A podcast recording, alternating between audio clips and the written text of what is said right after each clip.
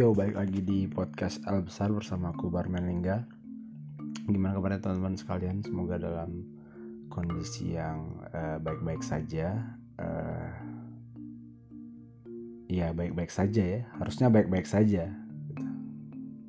Kalau nggak kalau nggak banyak tingkah sih harusnya baik-baik saja ya. kan biasanya orang yang tidak baik-baik saja itu orang yang banyak tingkah ya eh, itu kenapa dulu ada memesnya gitu yang e, kalau kamu kalau tidak kalau mau hidup kamu tidak banyak tekanan makanya jangan banyak gaya karena karena tekanan sama dengan away sama dengan eh, gitu gitu jadi biasanya memang kalau eh, banyak tingkah tuh hidupnya tidak baik-baik saja. Meskipun mungkin statement itu rada-rada kontradiktif dengan argumen soal uh, kebahagiaan hanya untuk orang-orang yang berani gitu ya, gitu. Uh, ya dan ya life is choice gitu apa pun keputusan dan pilihan kita tuh kayaknya semuanya mengandung konsekuensi gitu kalau pengen rebel ya uh, uh, menentang status quo demi mencapai kemerdekaan yang diimpikan uh, it's okay go ahead. Tapi kalau juga kayak mau main-main di zona nyaman aja juga ya it's okay juga sih nggak apa-apa juga gitu. Biar keseimbangan alam semesta ini tetap terjaga gitu. Kalau semua orang rebel ya apalagi yang mau direbelin dari semua orang yang rebel kan gitu. Begitu juga kalau semua orang main di zona nyamannya ya mungkin kayak dunia akan kehilangan makna dan nilai kali ya meskipun semuanya tentu uh, punya konsekuensi dan menawarkan nilai-nilai tersendiri. Uh, itu saja kayaknya pembukaannya. Jadi malam hari ini hmm, aku akan membahas sebuah film. Uh, mungkin ini segmen segmen review film kali ya. Sebuah film yang buatku itu adalah the greatest movie in 2020 jadi sebenarnya filmnya itu udah keluar 2018 19 I guess. Antara itulah tapi kayaknya 19 dan aku baru nemu itu 2020 akhir. Itu pun karena disuges sama Netflix. Jadi kalau kita bukan Netflix itu sama lah gitu sama kayak platform-platform yang lain. Biasanya ada film-film yang disuges based on uh, uh, algoritma dan lain-lain dan lain-lain. Jadi baru dapat film itu uh, tahun 2020 akhir. Sebenarnya udah lama pengen nge-review film ini cuman kelewat-kelewat dan akan 2021 meskipun meskipun belum lama banget ya. Januari masih uh, baru Januari. Dan ya masih hangat gitu dalam ingatan jadi kepikiran untuk membahas film ini. Uh, judul filmnya adalah The Platform. The Platform. Jadi itu ya sebenarnya dia mau bilang mimbar sebenarnya mimbar bukan platform dalam rangka sebuah uh, media gitu ya media uh, yang bisa mengakomodir dan lain sebagainya. Tapi di the platform yang dimaksud itu kayak mimbar gitu kayak meja lah sebenarnya meja lebih tepatnya. Nah film itu uh, aku harus bilang film terbaik yang ku tonton di 2020 karena hmm, ya sebenarnya film yang baik itu kan adalah film yang uh, menawarkan uh, ide cerita ya. Ide cerita yang uh, ya the idea of the story yang memang uh, baru atau juga menggelisahkan gitu. Nah itu yang pertama ide cerita. Dan yang kedua itu acting dari aktor maupun aktrisnya gitu.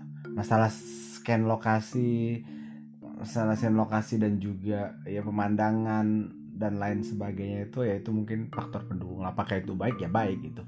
Kayak tipikal-tipikal film Indonesia kan gitu ya.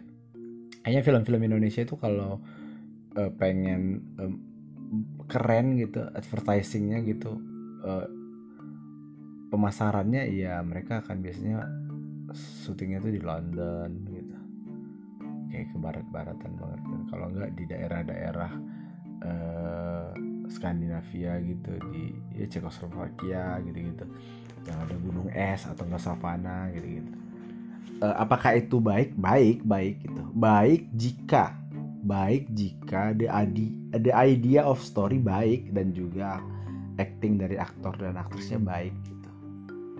So itu akan mendukung gitu pemandangan scan scan lokasi itu akan mendukung gitu tapi kalau kedua yang poin penting itu jelek ya film akan jelek gitu mau syuting di luar angkasa juga gitu akan tetap jelek gitu.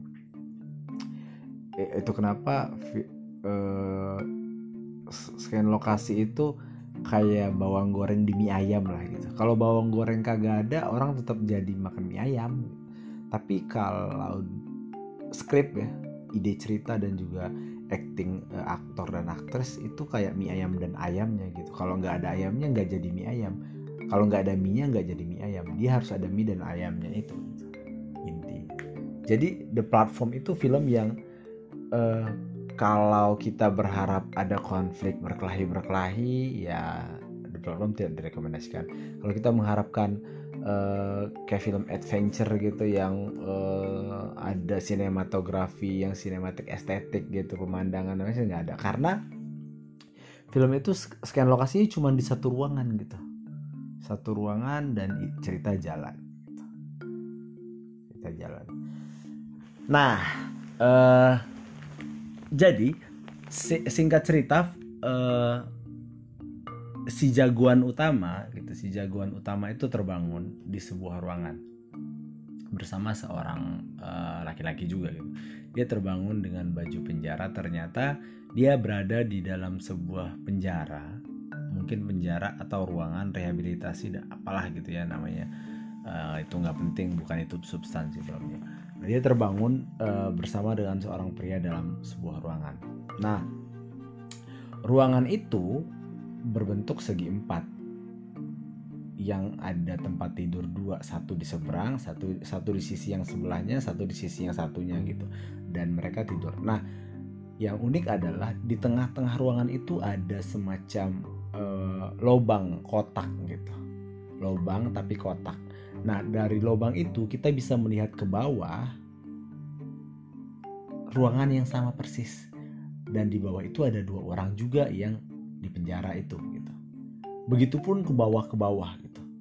Jadi kalau misalnya lantai jumlah lantai dalam penjara itu ada 300 berarti orang lantai satu itu bisa melihat orang lantai dua melalui lubang itu. Cuman tinggi memang karena kalau mereka melompat ke lantai dua itu berbahaya kemungkinan mati gitu. Dan juga orang lantai dua itu bisa melihat ke lantai sekedar ngelihat ya bisa ngelihat ke lantai satu melalui lubang dari lantai satu dan juga bisa melihat ke lantai tiga melalui lubang yang ada di lantai dua. Nah, masing-masing lantai itu ditempati dua orang. Nah, si jagoan itu, jagoan aktor utama dalam pemeran utama dalam film itu terbangun di lantai 78. Gitu. Dan dia bertanya kepada kepada rekan satu satu kamarnya, satu ruangannya yang memang udah terlebih dahulu uh, masuk ke dalam ruangan itu. Singkat cerita sebenarnya ruangan itu adalah ruangan yang digunakan untuk uh, memenjarakan orang yang bersalah ataupun me, apa ya? Hmm, me, uh, bahasanya apa ya lebih tepatnya? Membina, merehabilitasi kayaknya, merehabilitasi orang yang uh, mungkin bermasalah gitu atau mengakomodir orang-orang yang mau reflektif gitu kontemplatif jadi boleh masuk ke ruangan itu dengan keinginan sendiri tapi ada juga yang karena mungkin uh, punishment bentuk hukuman dan lain sebagainya. Nah kebetulan pemeran utamanya itu masuk ke dalam itu karena keinginan sendiri. Masuk ke dalam itu karena keinginan sendiri. Nah singkat cerita uh, ruangan itu lantainya itu nyusunnya ke bawah gitu. Bangunannya itu ke bawah bukan. Kalau misalnya kan lantai satu lantai satu di dasar lantai dua di atasnya. Kalau ini enggak lantai satu di dasar di pertama lantai dua itu di bawah lantai satu. Dan begitu terus sampai ke bawah tanah gitu. Jumlah lantainya itu 300 dan setiap lantai itu ada dua orang. Dan setiap lantai itu bolong di tengah. Dan eh, nah konfliknya dimulai begini. Setiap hari dari lubang yang ada di tengah ruangan itu termasuk yang lantai satu ya tentu itu dari atas gitu akan turun uh, meja makan berisi makanan yang banyak gitu. Dan dia akan berhenti selama 5 menit eh, selama 5 sampai 10 menit di tiap lantai. Dan orang harus makan karena uh, meja itu hanya turun satu hari sekali gitu. ibaratnya jatah makan mereka satu hari sekali itu selama meja itu berhenti selama 5 sampai 10 menit orang yang ada dalam ruangan itu dua orang dua orang per ruangan itu harus makan uh, apa yang mereka uh, butuhkan untuk sepanjang hari itu gitu. Uh, setelah 10, 5 sampai 10 menit meja itu akan turun ke lantai berikutnya.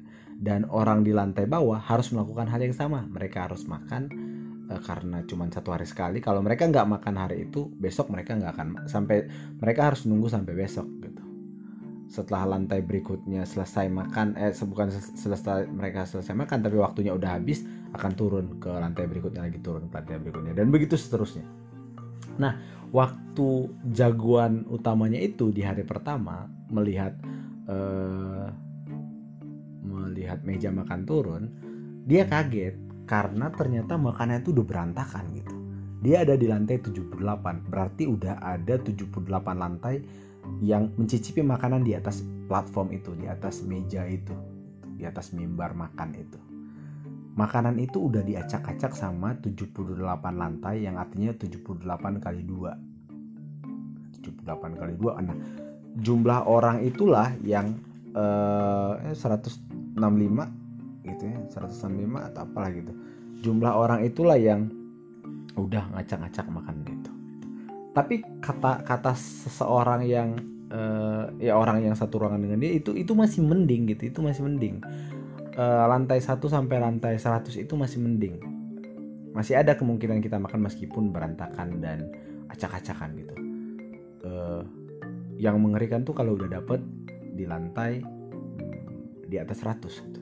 11, 102, nah total lantainya kan 300. Nah, siapa yang menentukan uh, mereka di lantai berapa itu pengelola gedung itu gitu. Nggak usah tanya itu gedung apa maksudnya dalam arti nggak masuk akal karena itu kan filmnya benar-benar film yang uh, mind blowing gitu. Intinya begitulah ya. Nah uh, yang menentukan mereka di lantai berapa itu bukan hukuman bukan apa karena itu fair uh, setiap sebulan sekali gas itu eh, ruangan itu akan disemprotkan gas semacam gas tidur gitu yang akan membuat mereka tertidur nyenyak and then ketika mereka bangun mereka akan berada di lantai yang berbeda gitu. Jadi kalau bulan ini orang bisa misalnya jagoan utamanya itu di lantai 78 uh, eh, next month gitu ya. Mereka bisa aja terbangun di lantai 4 gitu. Kemudian uh, bulan berikutnya mereka akan terbangun di lantai 100 bulan berikutnya mereka terbangun di lantai 300 nah begitu seterusnya diacak gitu sama pengelola itu nah uh, itu latar belakangnya itulah latar belakangnya mereka ada di dalam ruangan itu dan uh, hari pertama makanan mereka di lantai 78 dan hmm, makanan udah cakadul meskipun ada yang bisa dimakan Nah, ternyata konfliknya itu dimulai begini. Sebelum sebelum mereka masuk, sebelum setiap orang masuk ke dalam ruangan itu, mereka itu disuruh ngisi form dan salah satu pertanyaan formnya itu adalah tuliskan makanan kesukaan.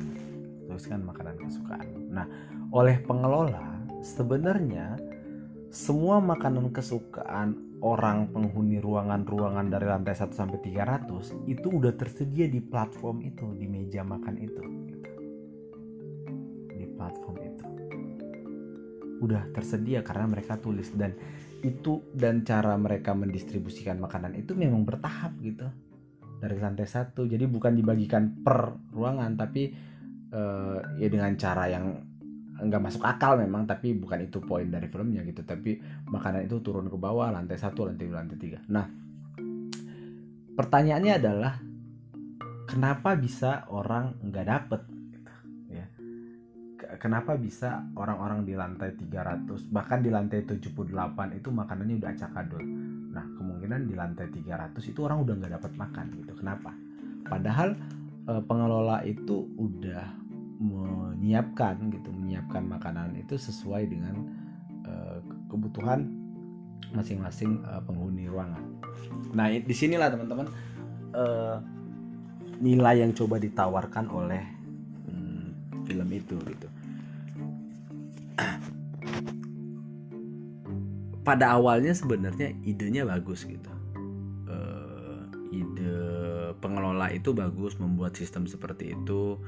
Uh, mereka yang punya research punya sumber daya membagikan mendistribusikannya menyiapkan apa yang dibutuhkan masing-masing orang. Tapi uh, kemungkinan besar ada satu orang uh, atau dua orang yang mengambil apa yang bukan miliknya gitu.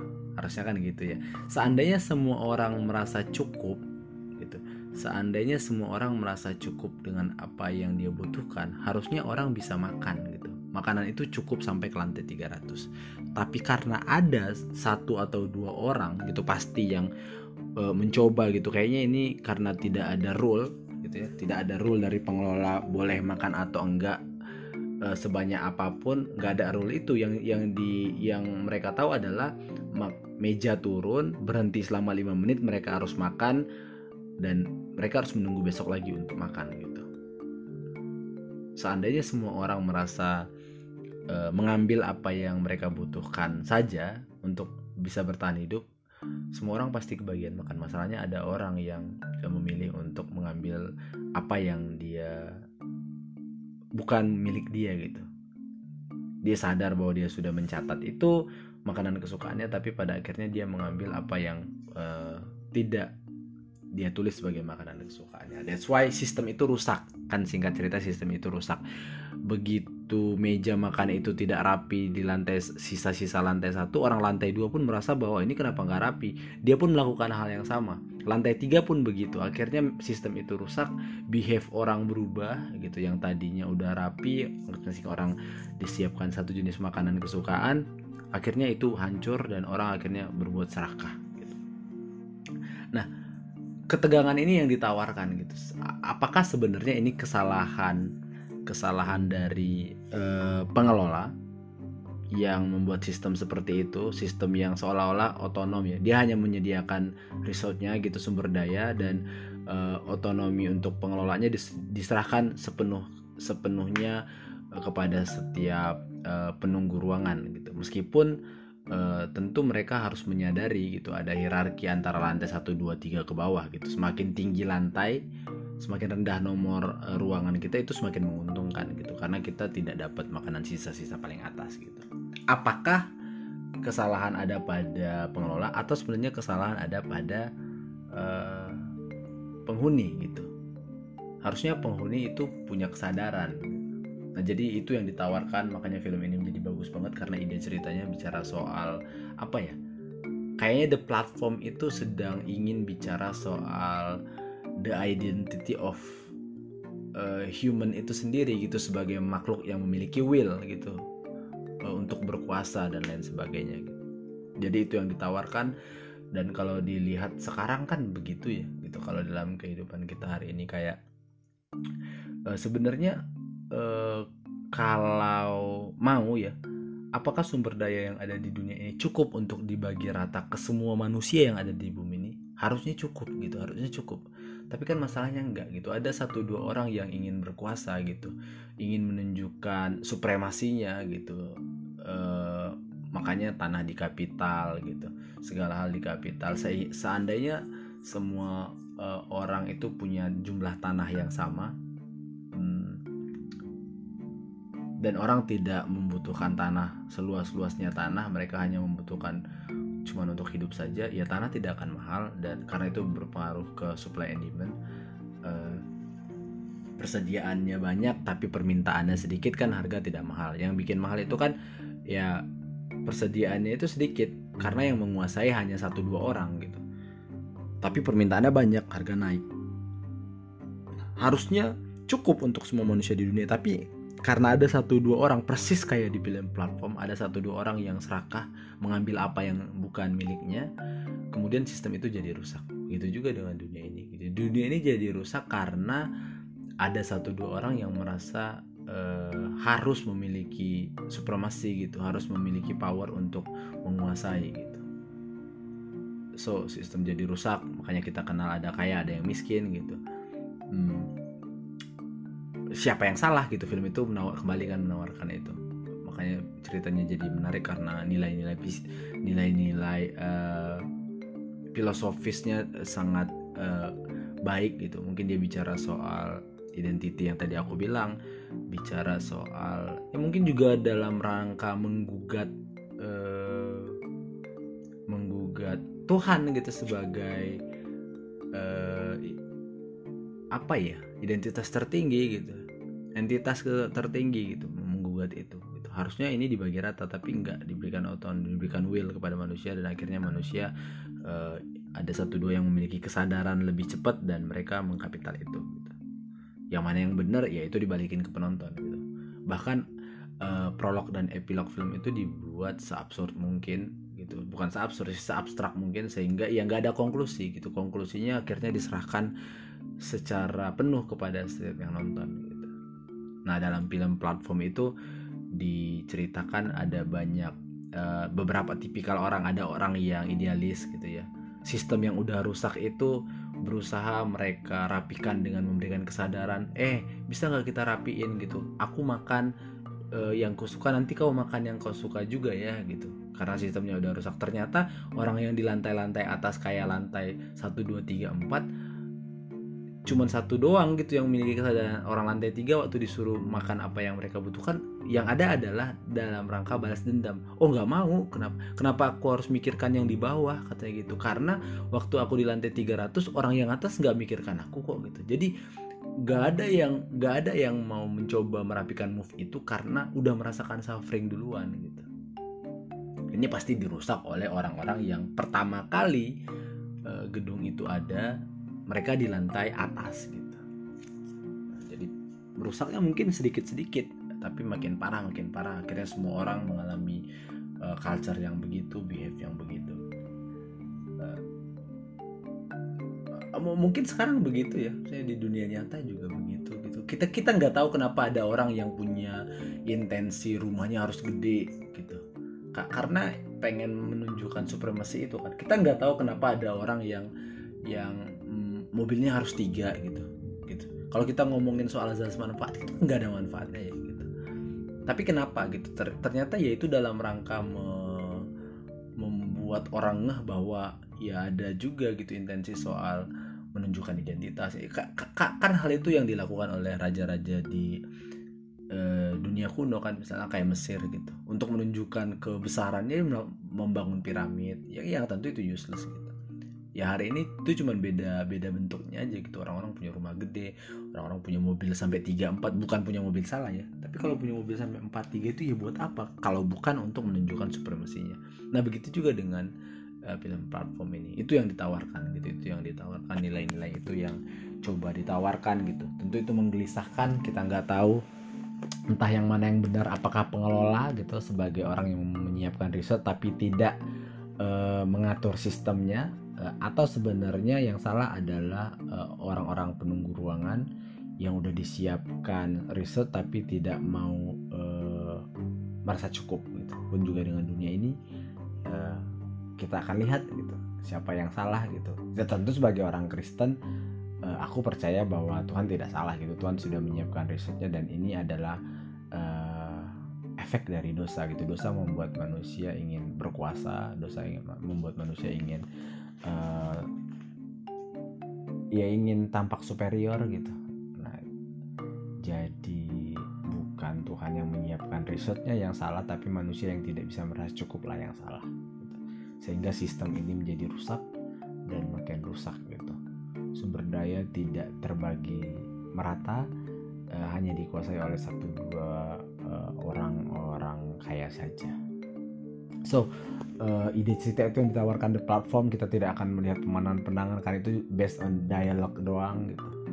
Uh, pun juga nih mereka nggak boleh nyimpen makanan karena kan mejanya turun se sehari cuma sekali. Kalau mereka nyim, ketahuan nyimpen makanan entah dengan cara yang bagaimana ruangan itu akan berisi akan menjadi panas banget kalau nggak dingin banget gitu itu kalau mereka cheating gitu misalnya nyimpan ayam goreng untuk dimakan malam itu nggak boleh.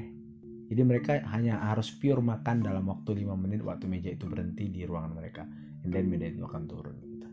jadi untuk film yang mind blowing begitu uh, aku harus kasih rate-nya mungkin 10 per 10 sih saking bagusnya film itu. Latarnya India gitu ya. Uh, India atau apa ya? Kayaknya India.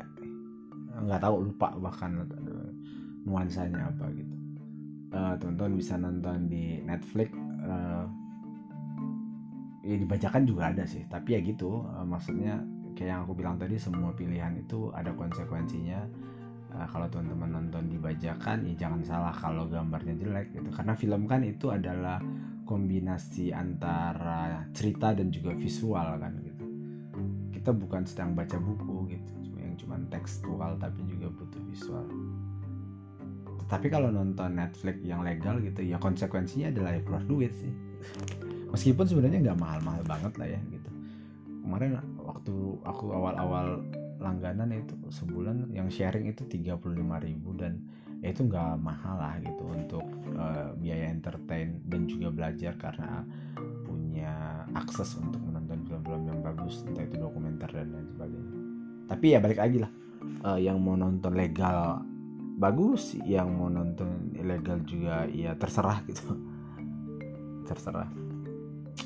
Uh, itu saja teman-teman. Semoga film itu semoga kalian akhirnya memiliki kuriositas terhadap film itu dan mungkin coba mencari gitu. Atau kalau ada yang pengen mendiskusikannya secara langsung atau merasa penasaran dengan film itu karena dengar podcast episode ini kemudian nonton habis nonton merasa pengen ngobrol boleh DM boleh WhatsApp kita bisa ngobrol mendiskusikan uh, the platform yang wadaw ini gitu. Karena banyak orang yang bilang nggak ngerti artinya. Iya kalau ngelihat itu sebagai cerita iya gitu. Nggak jelas film itu. Cuman kalau ngelihat itu uh, lebih luas gitu antara relationship antara pencipta dan juga sumber daya serta orang manusia yang mengelola sumber daya harusnya itu menjadi menarik banget filmnya